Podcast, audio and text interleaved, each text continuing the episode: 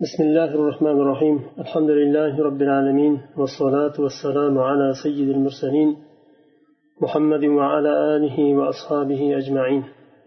اللهم علمنا ما ينفعنا وانفعنا بما علمتنا وزدنا علما يا عليم. الحكم الثاني ما هي أقسام النسخ في القرآن الكريم؟ ينقسم النسخ إلى ثلاثة أقسام. الأول نسخ تلاوة والحكم معا والحكم معا. الثاني نسخ التلاوة مع بقاء الحكم. الثالث نسخ الحكم وبقاء التلاوة. أما الأول وهو نسخ التلاوة والحكم فلا يجوز قراءته ولا العمل به لأنه قد نسخ بالكلية فهو كآية التحريم بعشر رضعات. روي عن عائشة رضي الله عنها أنها قالت كان فيما أنزل من القرآن عشر رضعات معلومات يحرمنا فنسخن بخمس رضعات معلومات فتوفي رسول الله صلى الله عليه وسلم وهن فيما يقرأ من القرآن ikkinchi hukm qur'oni karimda nasxni qismlari turlari nasx uch qismga bo'linadi birinchisi ham tilovati nasx bo'ladi ham hukmi nasx bo'ladi bir oyatni tilovati va hukmi birga nasx bo'ladi. Ikkinchisi tilovat nasx bo'ladi hukm qoladi. Uchinchisi hukm nasx bo'ladi tilovat qoladi. Birinchisi tilovat nasx bo'lib hukmni qolishligi. Tilovat bilan birga hukm ikkalasi ham birgalikda nasx bo'ladi birinchisi. Bu holatda qiroat joiz bo'lmaydi. Ham hukmi ham oyatni tilovati ham nasx bo'ladigan bo'lsa demak u qur'onda yozilmaydi tushirib qoldiriladi va uni o'qish ham joiz bo'lmaydi unga amal qilish ham joiz bo'lmaydi. Nima uchun? Chunki u kulliyan mansux bo'ldi. Ham hukmi mansux bo'ldi ham tilovati mansux e, bo'ldi. Tahrim oyatiga o'xshagan. Islomda avvalida bir bolani mahram qilishlik uchun o'n marta emizish kerak edi. Keyinchalik bu oyat e, mansux bo'ldi. Besh marta emizishlik kifoya bo'ldi. Ya'ni bir yosh bolani mahram qilishlik uchun ikki yoshigacha bu hisoblanadi. Ikki yoshgacha bo'lgan bolani besh marta emizilsa bola shu oilani emizikli bolasi hisoblanadi. Mahram bo'lib qoladi. Undan keyin shu ota onadan bo'lgan shu ota onadan tarqagan farzandlar bilan o'ylanishligi mumkin emas. Chunki akalari ukalari e, singil opa singillari bo'lib qoladi. Tug'ishgan aka ukani hukmi tug'ishgan farzandni hukmi qanday bo'lsa emizikli farzandni ham hukmi xuddi shunday bo'ladi. Oysha roziyallohu anhu anha rivoyat qiladilar. Islomda avvalida o'n marta emizishlik farz edi. Oyat qur'onda oyat bor edi o'n marta emizishlik bilan bola mahram bo'ladi u oyatlar boshqa oyat bilan mansux bo'ldi besh marta emizib emizishlik bilan mahram bo'ladigan bo'ldi قال الفخر الرازي فالجزء الأول منسوخ الحكم والتلاوة والجزء الثاني وهو الخمس منسوخ التلاوة باقي الحكم عند الشافعية فخر الرازي aytadilar u kishi ikki juzga bo'ldilar. Ikki juz derkan mansux bo'lgan oyatni bir juz mansux qilgan oyatni ikkinchi juz deb aytyaptilar. Birinchi juzi ikkalasi ham mansux bo'ldi ham tilovati ham hukmi mansux bo'ldi. Ya'ni o'n marta emizishlik bilan bolani mahram bo'lishligi mansux bo'ldi ham tilovati ham hukmi. ikkinchi juzi bo'ladigan bo'lsa ya'ni nosih bo'lgan nasx qiluvchi oyat bu oyat besh marta emizishlik bilan mahram hukmi bo'ladi bu oyatni tilovati mansux bo'ldi hukmi qoldi وأما الثاني نسخ التلاوة وبقاء الحكم فهو كما قال الزركشي في البرهان يعمل به إذا تلقته الأمة بالقبول كما روي أنه كان في سورة النور الشيخ شيخوخة الشيخ والشيخة إذا زنيا فارجموهما البتة نكالا من الله والله عزيز حكيم. ولهذا قال عمر لولا أن يقول الناس زاد عمر في كتاب الله لكتبتها بيدي ikkinchisi ikkinchi turi nasx va tilovat mansuh bo'ladi va hukm qoladi. Birinchi qismi ham tilovati ham hukmi mansuh bo'lganda ikkinchi qism tilovat mansuh bo'ladi hukm qoladi. Zarkashi rahimaulloh burhon degan kitobda aytadilar buni agar ummat qabul qilgan bo'lsa ya'ni ummat peshvolari olimlari imomlar ummat deganda oddiy musulmonlar tushunilmaydi ummat imomlari buni qabul qilgan bo'lsa olimlari unga amal qilinadi oyatni lafzi mansux bo'lgan tilovati mansux bo'lgan lekin hukmi qolgan bunga bir misol keltiryaptilar الشيخ والشيخة إذا زنيا فارجموهما البتة نكالا من الله والله عزيز حكيم erkak ayol agar ular zino qilsalar rajm qilinglar ya'ni toshbo'ron qilinglar albatta allohdan bu jazo bo'lgan holda alloh taolo aziz va hakim bo'lgan zotdir umar ibn hattob roziyallohu anhu aytadilar agar odamlar umar allohni kitobida ziyoda qildi o'zidan qo'shdi demaganlarida o'z qo'lim bilan shuni qur'onga yozardim deydilar وأخرج ابن حبان في صحيحه عن أبي بن كعب رضي الله عنه أنه قال كانت سورة الأحزاب توازي سورة النور أي في الطول ثم نسخت آيات منها. ابن حبان رحمه الله صحيح تخريج خلاله أبي بن كعب تن حديث رواية خلاله رضي الله عنه وكشي تدلر أحزاب سورة نور سورة بلان uzunligi bir xil edi keyinchalik nur surasidan bir qancha oyatlar mansux bo'ldi va nur surasi ahzobdan ko'ra kichkinaroq bo'ldi keyin. Qisqardi ya'ni. وهذان النوعان نسخ الحكم والتلاوة ونسخ التلاوة مع بقاء الحكم قليل في القرآن الكريم ونادر أن يوجد فيه مثل هذا النوع لأن الله سبحانه أنزل كتابه المجيد ليتعبد الناس بتلاوته وتطبيق أحكامه yuqorida o'tgan birinchi qism bilan ikkinchi qism ya'ni birinchi qism ham oyatni tilovati lafzi ham hukmi mansux bo'lish ikkinchi qism tilovat mansux bo'ladi hukm qoladi bular qur'onda juda qur'onda juda ham oz chunki alloh taolo qur'oni karimni odamlar tilovati bilan ibodat qilishligi uchun nozil qildi va uni ahkomlarini tadbiq qilishligi uchun nozil qildi.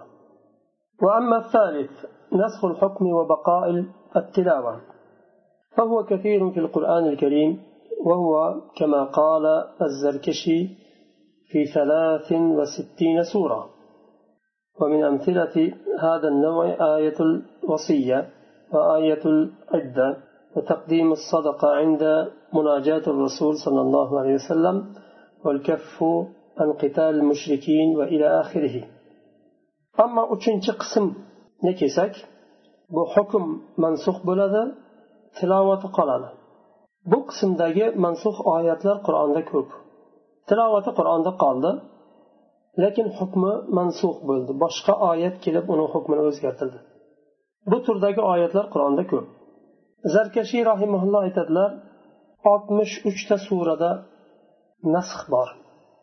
Misol idda oyati. Eri o'lgan ayol bir yil uydan chiqmasdan o'tirishlik vojib edi. Oyat bilan u tashrih qilingan edi vojib qilingan edi. Undan keyin to'rt oy o'n kunga qisqartirildi. Bu boshqa oyat kelib o'zgartirdi.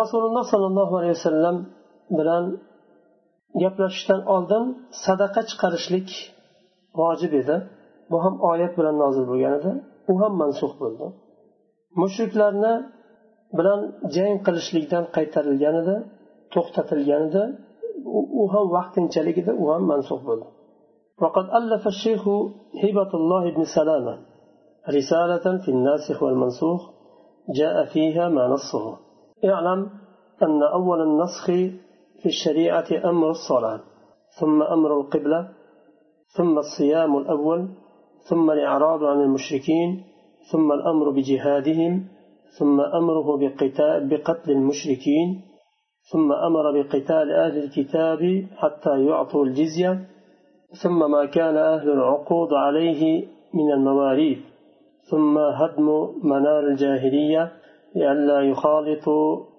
المسلمين في حجهم شيخ هبة الله بن سلامة ناسخ ومنسوخ هكذا بالرسالة يزدلر u yerda aytadilar birinchi mansux bo'lgan hukmlar shariatda namoz hukmi namoz ibrohim alayhissalomni shariatidagi namoz davom etayotganda uni rasululloh sollallohu alayhi vasallam merojga chiqib kelganlaridan keyin besh vaqt namoz farz qilindi.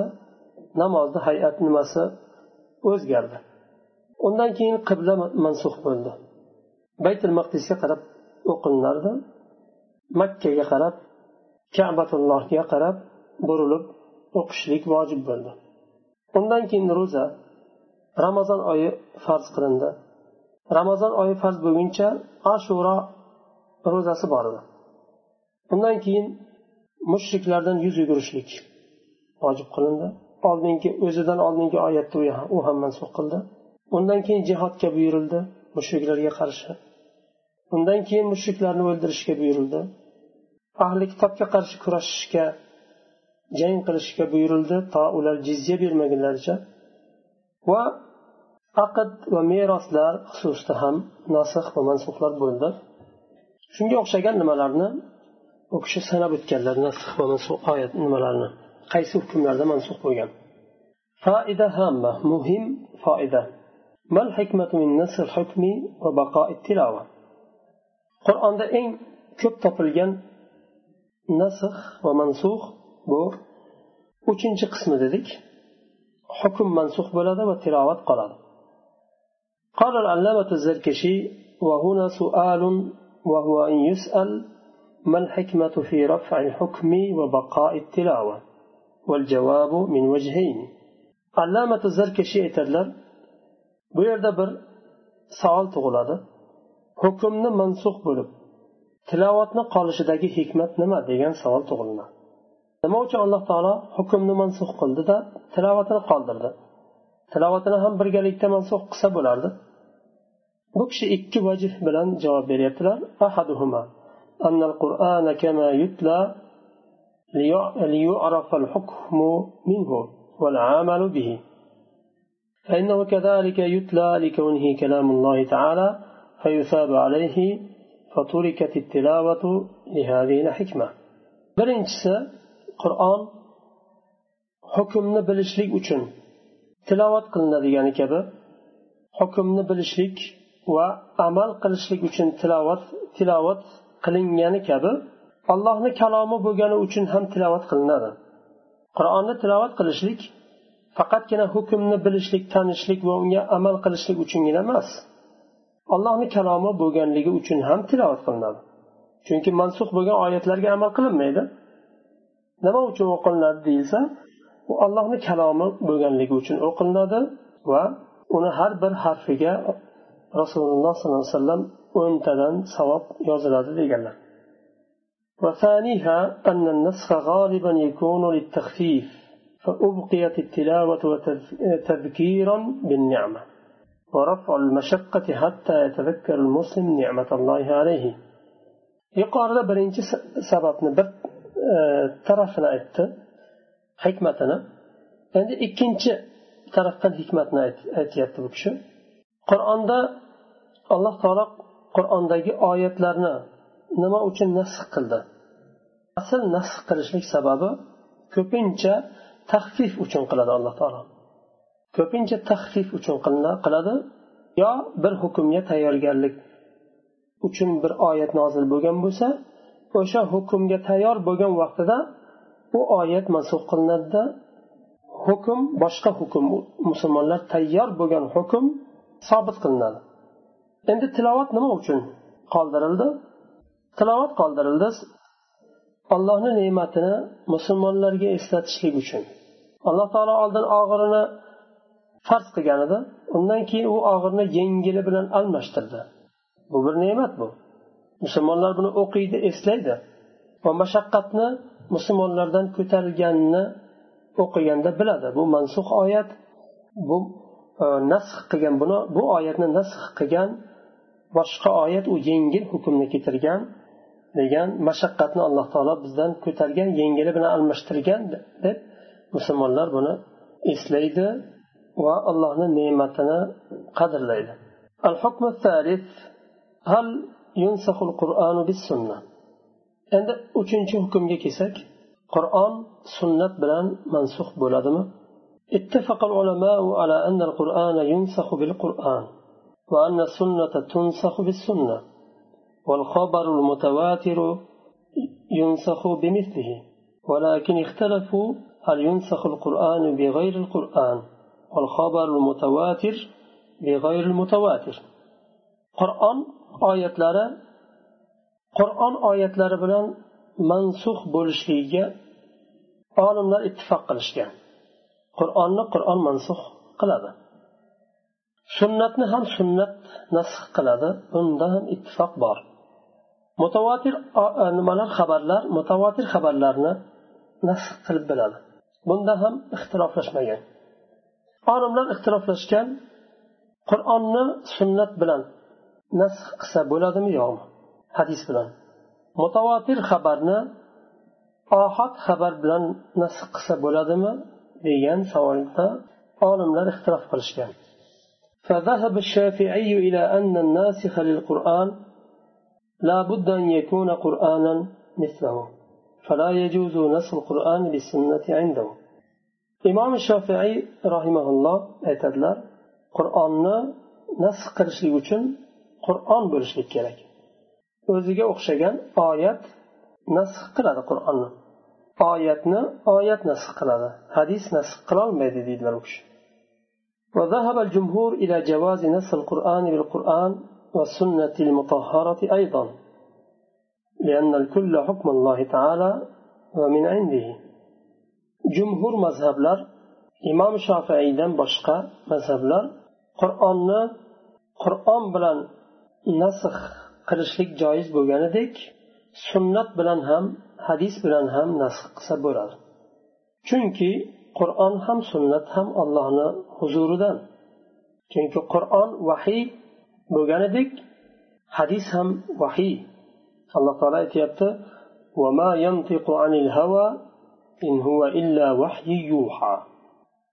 rasululloh sollallohu alayhi vasallam havodan ya'ni o'zlaridan gapirmaydilar bir narsani. U kishi gapirayotgan narsa hammasi olloh tarafdan bo'lgan vahiydir degan mazmunda oyat bor. Shuning uchun olimlar vahiyni ikkiga bo'lishadi. Birinchisi tilovati bilan ibodat qilinadigan vahiy u qur'on. Ikkinchisi tilovati bilan ibodat qilinmaydigan vahiy u hadis. Ikkalasi ham vahiy. Bittasini tilovati bilan ibodat qilinadi namozda o'qilinadi masalan ikkinchisi tilovati bilan ibodat qilinmaydi u hadis. Imom shofiiyni dalili استدل الإمام الشافعي على منع نسخ القرآن بالسنة بقوله تعالى ما ننسخ من آية أو ننسها نأتي بخير منها أو مثلها ووجه الاستدلال عنده من وجوه. الأول أنه قال نأتي وأسند الإتيان إلى نفسه وهو لا يكون إلا إذا كان الناسخ قرآنا imom shofiy o'zlarini mazhablariga mazhablariga hujjat qiladilar oyatni. Biror bir oyatni nasx qilsak yoinki uni unuttirsak yo nasx qilmasdan qoldirsak undan ko'ra afzalini keltiramiz yo shunga o'xshaganini keltiramiz degan oyatni dalil qildilar. Va aytdilarki alloh taolo bu oyatda nati keltiramiz deb keltirishlikni o'ziga izofa qildi isnot qildi demak bu qur'on bo'lishligi shart ikkinchisi ikkinchi dalillari أنه قال بخير منها ولا يكون الناسخ خيرا إلا إذا كان قرآنا لأن السنة لا تكون خيرا من القرآن biror bir oyatni nasx qilsak undan afzalini keltiramiz dedi olloh sunnat qur'ondan afzal bo'lolmaydi. Imomlarni dalillariga e'tiborni yaxshiroq qaratinglar. O'rganinglar qayerdan hukm chiqaradi ular? Qanday dalilni keltiradi? Dalilni keltirgandan keyin istidlolni qayerdan oladi va qanday oladi? Nimalarga suyanadi? Bu imomlarni o'zlarini bir e, yo'nalish uslublari. Bu bizga mana shu oyatil ahkom darsi bir e, tadrib hukmlarni o'rganishlikka nima bo'lishlik kerak? Ham allohni e, kalomini hukmini o'rganamiz ham imomlarni uslublarini o'rganamiz. Lafzga e'tibor beryapti. Birinchidan nati degan so'zni oldi imom shofiy rahimaulloh keltirishni shu nosih bo'lgan hukmni keltirishni alloh taolo o'ziga isnot qildi. Biz keltiramiz dedi. Demak u qur'on bo'lishi kerak dedi. Bu birinchisi ikkinchisi minha afzalini keltiramiz dedi undan ko'ra afzalini demak bir oyatni nasx qilsa u oyatdan afzalini keltirishlik uchun u ham oyat bo'lishlik kerak chunki sunnat qur'ondan afzal bo'lolmaydi uchinchi dalil أنه قال في الآية ألم تعلم أن الله على كل شيء قدير allohni har bir narsaga qodir ekanini bilmaysizmi فقد دلت على أن الآتي بذلك الخير هو المختص بالقدرة على جميع الخيرات وذلك هو الله رب العالمين bu oyatdan imom shofiiy rahimalloh dalil chiqaryapti alloh taolo har bir narsaga qodir ekanini bilmaysizmi yaxshi undan ko'ra afzalini keltiramiz degan oyatdan keyin bu oyatni keltirdi va afzalini keltirishlikka qodir har qanday yaxshilikni xayrlarni keltirishlikka yagona ollohgina qodir ekanligini bildirdi olloh الرابع قوله تعالى إذا دلنا آية إذا بدلنا آية مكان آية bir oyatni o'rniga boshqa oyatni keltiradigan bo'lsak tabdil almashtirishlik حيث أسند التبديل إلى نفسه وجعله في الآيات وهذا أقوى أدلته alloh taolo bu yerda almashtirishni o'ziga isnot qildi baddalna agar agar biz almashtirsak undan keyin almashtirsak deganda ayatan makana ayatin bir oyatni o'rniga boshqa oyatni almashtirsak deb oyatni zikr qildi bu yerda demak oyatni o'rniga oyat bo'ladigan bo'lsa qur'on bo'lishligi shart qur'onni qur'on nasx qilishligi shart qur'on oyatini nasx qilishlik uchun qur'ondan bir oyat bo'lishligi shart dedi u kishi endi jumhurni dalillari احتج الجمهور على جواز نسخ الكتاب بالسنة بعدة أمثلة أدلة نوجزها فيما يلي جمهور مذهبlar qur'onni sunnat bilan nasx qilishlik joiz ekanligiga bir qancha dalillar keltirdi Ularni ba'zilarini keltiramiz.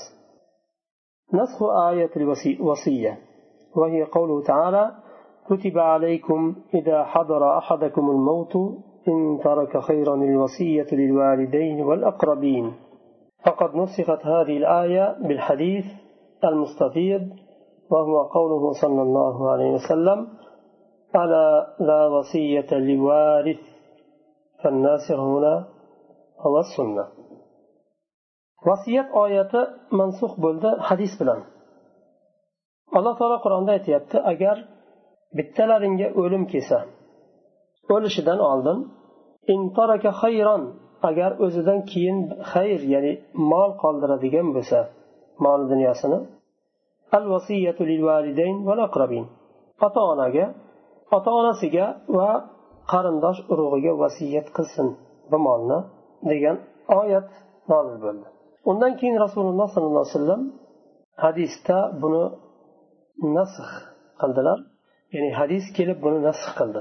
Ala la varis. Merosxo'rga vasiyat yo'q dedilar.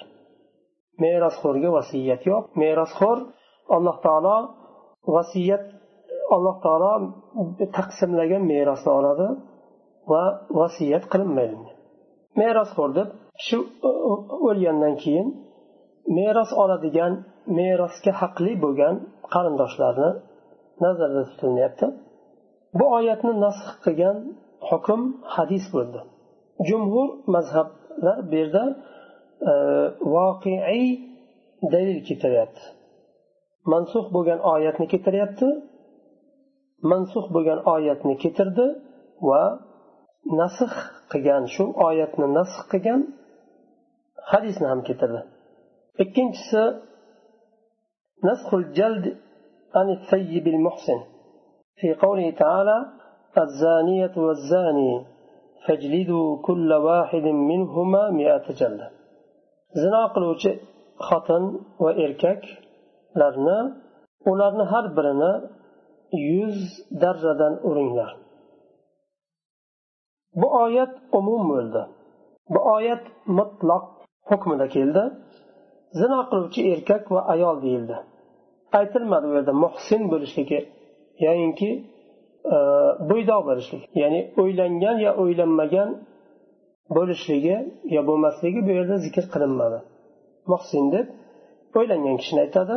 Agar bir kun o'ylanib ajralgan bo'lsa ham muhsin hisoblanadi. Umuman o'ylanmagan kishi muhsin hisobiga kirmaydi. Islomda hech o'ylanmagan kishi zinoga kirsa billah alloh saqlasin. Yuz darra uriladi. Va bir yil yashab turgan yeridan darbadar qilinadi boshqa yerga. Agar muhsin bo'lsa o'ylangan bo'lsa keyin ajrashgan bo'lsa ham bir marta bo'lsa ham shu o'ylangan bo'lsa undan keyin zinoga kiradigan bo'lsa billah toshbo'ron qilinadi. Bu oyat muhsin bilan g'oyri muhsinni e, ajratmayapti. rasululloh sollallohu alayhi vasallam hadislarida agar o'ylangan bo'lsa toshbo'ron qilishlikka buyurdilar va fe'lan bu narsani bu hukmni ijro qildilar ko'rsatdilar buni ham nasib qiluvchisi hadis bo'ldi rasulullohni fe'llari uchinchi misol وقالوا إنما ورد في الكتاب أو السنة كله حكم الله تعالى ومن عنده وإذا اختلف الأسماء وإن اختلف الأسماء لأن الله تعالى يقول وما ينطق عن الهوى إن هو إلا وحي يوحى قرآن دا يا سنة وارد بجن حكم hammasi allohni huzuridan agar oti ixtiroflashsa ham qur'ondan yo sunnatdan deb alloh taolo qur'onda aytyapti u kishi rasululloh alayhi vasallam havodan gapirmaydi havo deb xohishni aytadi havaytu shayan degani bir narsani istadim degan o'zini istagidan xohishdan gapirmaydi u kishi gapirayotgan keltirayotgan narsa ollohni huzuridan kelgan vahiydir u وأجابوا عما استدل به الشافعي رحمه الله بأنه استدلال غير واضح إمام الشافعي دليل قيان دليلنا ochiq bo'lmagan vodih bo'lmagan dalil deyishdi qaysi tarafdan vodih bo'lmagan? Imom shofiy rahimaulloh minha degan dalilni keltirdi. Undan ko'ra afzalni keltiramiz degan oyatni oldi va sunnatni qur'ondan afzal deyolmaymiz oyatdan afzal bo'lishlik uchun oyat bo'lishlik kerak o'ziga o'xshagan degan dalilni qildi u kishi. Bu yerda jumhur aytyapti bu xayriya ya'ni afzallik tarafi hukmlarni orasida faqat. Bir oyatni nasx qiladigan bo'lsak mansub qiladigan bo'lsak undan afzalni keltiramiz deganda lafzda emas. Isnodda afzalni nazarda tutilmayapti. Sanada kuchli bo'lishligi. Uni hukmda afzalni keltiramiz. Ummat uchun ummatni holi uchun afzal hukmni keltiramiz deyildi. u afzal hukm balkim hadis bilan kelar فيكون الحكم الناسخ خيرا من الحكم المنسوخ منسوخ bo'lgan hukmdan nasx qiluvchi hukm afzal bo'ladi agar hadis bo'lsa ham uni afzallik tarafi faqatgina hukmda بحسب ما علم الله من اشتماله على مصالح العباد bandalarni foydalarini o'z ichiga olgan narsani alloh taolo bilishiga ko'ra alloh taolo o'zi hukmni almashtiradi boshqasini keltiradi keltirsa ham afzalni keltirishini alloh taolo aytdi ولا معنى لأن يكون لفظ الآية خيرا من لفظ آية أخرى bu yerda bir oyatni lafzi ikkinchi oyatni lafzidan afzal bo'lishligi nazarda tutilmadi bu yerda أن يكون الحكم الناسخ خيرا من المنسوخ أيا كان الناسخ قرآنا أو السنة لأن الكل تشريع حكيم عليم. دمك بيردا نسخ قلوش حكم منسوخ بوغان حكم دان حكم دا أفزل بولاد ديغان مزمون تشن نسخ قلوش حكم قرآن بسهم سنة بسهم. Chunki qur'on ham sunnat ham hakimul alim bo'lgan zot tarafdan kelgan hukmdir u oyat hammasi olloh tarafdan kelgan vahiy ya'ni الترجيح ومن هنا يترجح رأي الجمهور لأن الخيرية والأفضلية إنما هي بحسب اختلاف الأحكام شدة وتيسيرا. وتمام الأبحاث مستوفى في علم الأصول. tarjih qilinadigan bo'lsa jumhurni mazhabi rojih hisoblanadi. Nima uchun? Chunki afzallik tarafi lafzda emas hukmda afzal. Yo hukm og'irroq hukm keladi aynan o'sha og'irroq hukmni bo'lishligi bandalar uchun foydali musulmonlar uchun. Yoinki yengilroq hukm keladi aynan u musulmonlar uchun foydali va afzal hukm bo'lgani uchun alloh taolo uni almashtiradi. Buni usul fiqda qolganini nima? Usul fiqda o'tadi. Kengroq har bir nasxni mansuhni nimalari shartlari va qolgan nasx va mansuhga tegishli bo'lgan ahkomlar usul deb o'tadi. Shu yerda to'xtaymiz. Keyingi darsda inshaalloh to'rtinchi hukmdan boshlaymiz. هل يجوز النسخ إلى ما هو أشق وأثقل og'irroq hukmga ya'ni yengil hukmni og'ir hukm mansux qilishligi joizmi ya'ni alloh taolo shariatda aslida raful haraj og'irlikni ko'tarishlik uchun keldi shariat ya'ni yengil hukmni nasx qilib o'rniga og'ir hukm kelishligi mumkinmi agar mumkin bo'lsa nima uchun shariat aslida yengillatish uchun keldiyu og'ir hukmni keltiryapti yengilni mansux qilib degan savolga javob bo'ladi سبحانك اللهم وبحمدك أشهد أن لا إله إلا أنت أستغفرك وأتوب إليك